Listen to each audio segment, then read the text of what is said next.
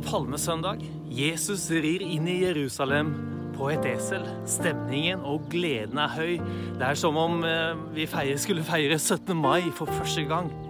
For Israels konge kommer ridende inn i Jerusalem. Akkurat slik det ble profetert om 500 år tidligere i Zakaria. Bryt ut i jubel, datter Sion, rop av glede. Datter Jerusalem, se, din konge kommer til deg, rettferdig og rik på seier. Fattig er han, og rir på et esel, på en eselfole. Det er ikke rart at folket var i ekstase, for nå skjer det endelig, det vi har lest om i de gamle skriftene. Men hvorfor var det så mange som var der? Og mer enn villig hyllet Jesus som om han var konge. Som vi hørte forrige søndag, så har Jesus nylig vekket en død mann opp fra graven. Et under så tydelig at det ikke går an å benekte. Og Jesu argeste motstandere, fariseerne, de sa i bitterhet Der ser dere ingenting nytter. All verden løper etter ham. Til og med noen grekere som var på pilegrimstur til Jerusalem, de ønsket å få se denne Jesus. Men til det så svarer Jesus Timen er kommet da menneskesønnen skal bli herliggjort.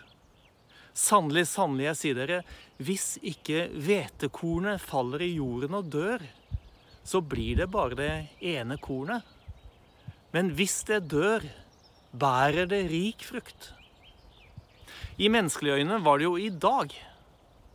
Idet han red inn i Jerusalem som en profetisk konge, Jesus ble herliggjort. Han ble hyllet og hedret. Men ifølge Jesus så var det ikke det. Han må bli herliggjort, ikke med jubel og ekstase og begeistring, men ved død.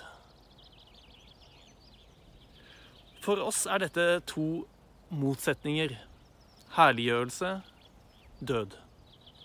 Men Jesus han sammenligner seg med et lite hvetekorn. Et hvetekorn oppfyller sin største hensikt ved selv å bli lagt i jorden.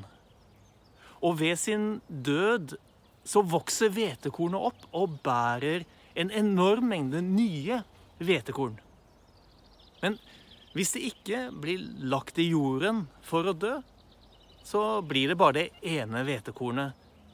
Ved sin død så blir det så mye mer. Vi ser det i dagens situasjon både i Norge og over hele verden.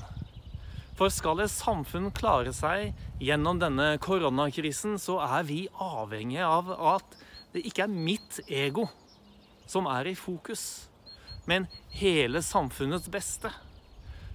Og det fører til at mange må trekke seg tilbake, bli mer ensomme enn det de er vant til. Andre igjen de må stå i utfordrende og risikable situasjoner. Men alle så må vi gjøre det som er best for de som er rundt oss. Gi opp våre egne ambisjoner, med andre ord. For bare slik, både som samfunn og som individer, kan vi komme gjennom dette. Den enkelte må hate sitt liv i denne verden som Jesus sier det. Og på den måten så får vi liv, og vi er med å gi liv. Jesus han oppga seg selv til det ekstreme, kan vi si. For han valgte å gå i døden som en kjærlighetsgave for oss. Vi kan faktisk følge ham på denne veien ved å ta større hensyn til fellesskapet og naboen enn hva vi pleier å gjøre. Ved å hate sitt liv i denne verden, altså egoismen, så følger vi Jesus. Og på den måten bærer rikelig med frukt. Jesus han døde for verden. ved å la egoismen i oss dø hos ham, så kan vi være med å gi liv og helse til Norge og resten av verden, faktisk. Og slik blir Jesus her igjen herliggjort ved at vi følger ham på hvetekornets vei og bærer rik frukt. Som Jesus sier det bare noen kapitler senere. For ved dette blir min far æret, at dere bærer mye frukt og blir mine disipler.